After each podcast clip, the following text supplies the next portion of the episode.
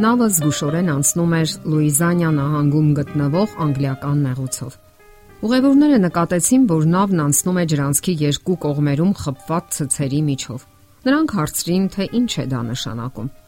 Այստեղ վտանգավոր է, բացատրեց նավաստին։ Ցցերը ցույց են տալիս, որ այդտեղ խորությունը շատ փոքր է եւ նավը չի կարող անցնել։ Նա պարզապես կջարդվի։ Եվ միակ հուսալի ուղին այս ջրանցքն է։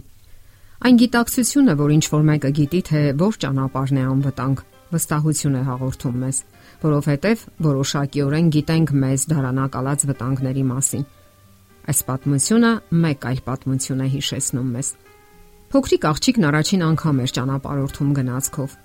Նա ուրախ դուրս էր նայում պատուհանից, բայց ամեն անգամ վախեցած ներս էր քաշում գլուխը, երբ նկատում էր, որ մոտենում են գետակի կամ որևէ լճի բայց երբ գնացքը բարեհաջող անցնում էր կամրջի վրայով, նա թեթևացած շունչ էր քաշում։ Երբ հաջողությամբ անցան մի քանի գետերի վրայով, նա հանգստացած հետ ընկավ նստարանի թիկնակին ու ասաց. Ամեն ինչ իսկապես լավ է, ինչ որ մեկն ամենուր կամուրջներ է կառուցել։ Այս պատմությունները մեզ համար կարևոր իմաստ ունեն։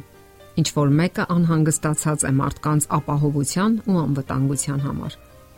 Արդյոք նույն կերպ չի վարվում Աստված ժամանակին ցույց տալով անվտանգության եւ ապահովության ուղիները։ Այդ ուղին նրա օրենքն է։ Այն վստահություն է ներշնչում, որովհետեւ ցույց է տալիս, թե ինչն է վտանգավոր մեզ համար, ինչը անվտանգ։ Անսահման իմաստությամբ օժտված Աստված կյանքի համար կատարյալ ուղեցույց է ապարգևել մեզ, եւ դա ամենահուսալի ուղեցույցն է, որ միայն կարելի է պատկերացնել։ Այդ հուսալի ուղեցույցը եւ լույսը օրենքն է։ Աստծո օրենքը կամ պատվիրանները 10 են։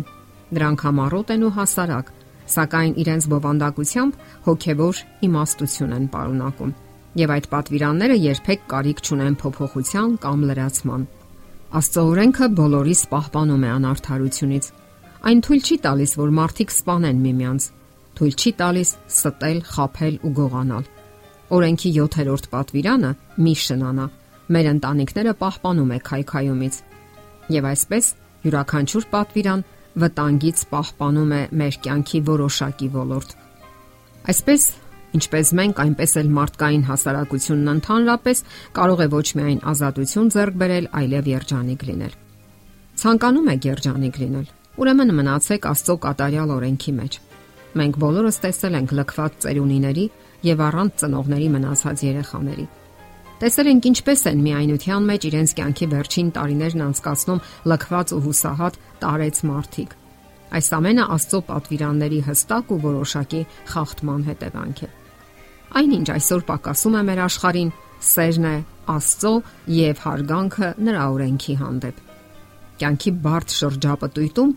Աստծո օրենքը լույս է եւ ուղեցույց, որը ցույց է տալիս անվտանգ արահետները Եթե լայն ճանապարհները կորուստ են տանում, ապա նեղ, սակայն հուսալի ուղիները դեպի հավերժական կյանք։ Իսկ մինչ այդ դատ է տեղի ունենալու Աստվածային արդար օրենքով, որովհետև ոչ մի մարդ չի կարող փրկվել կամ դատվել առանց դատաստանի։ Սողոմոնը գրում է. ամբողջ խոսքի վախճանը լսենք։ Աստծուց վախեցիր եւ պահիր նրա պատվիրանները, որովհետև մարդու համար սա է իր ամբողջ պարտավորությունը որովհետև Աստված բոլոր գործերը դատաստանի է բերելու ամեն ծածուկ բանի հետ, թե բարի, թե չար։ Ահա թե ինչի համար է Աստծո օրենքը։ Այն ոչ միայն ապահովություն է երկրի վրա, այլև դատաստանի անհրաժեշտ չափանիշ, հավերժական կյանքի մուտքի համար։ Եվ դատաստանի մեծ օրը բոլորը պետք է դատվեն Աստվածային միևնույն օրենքով եւ միևնույն կանոններով։ Աստված երբեք չի փոխել իր օրենքը, որով միայն հնարավոր է տարբերակել լավն ու վատը, բարին ու չարը, ճիշտն ու սխալը։ Օրենքը Աստծո բնավորության արտացոլումն է։ Ահա թե ինչու նա երբեք չի կարող փոխվել։ Աստվածային կատարյալ չափանիշներն ու առաջնորդությունը միշտ եղել եւ նույնն են մնալու աշխարի բոլոր ժողովուրդների եւ լեզուների համար։ Օրենքի էությունը աշխարի մեջ գոյություն ունեցող մեղքը ցույց տալն է։ Ահա թե ինչու է անհրաժեշտ այն որpիսի ճանաչենք եւ հեռու մնանք մեղքից։ Ոմանք այն կարծիքին են, որ Հիսուսն իր գալուստով վերացրել է օրենքը։ Սակայն դա ծանրակշիռ մոլորություն է։ Հիսուսը հստակ իր վերաբերմունքը հայտնեց Աստվածային օրենսդրության հանդեպ։ Մի կարծեք, թե ես եկա օրենքը կամ մարգարեները քանդելու։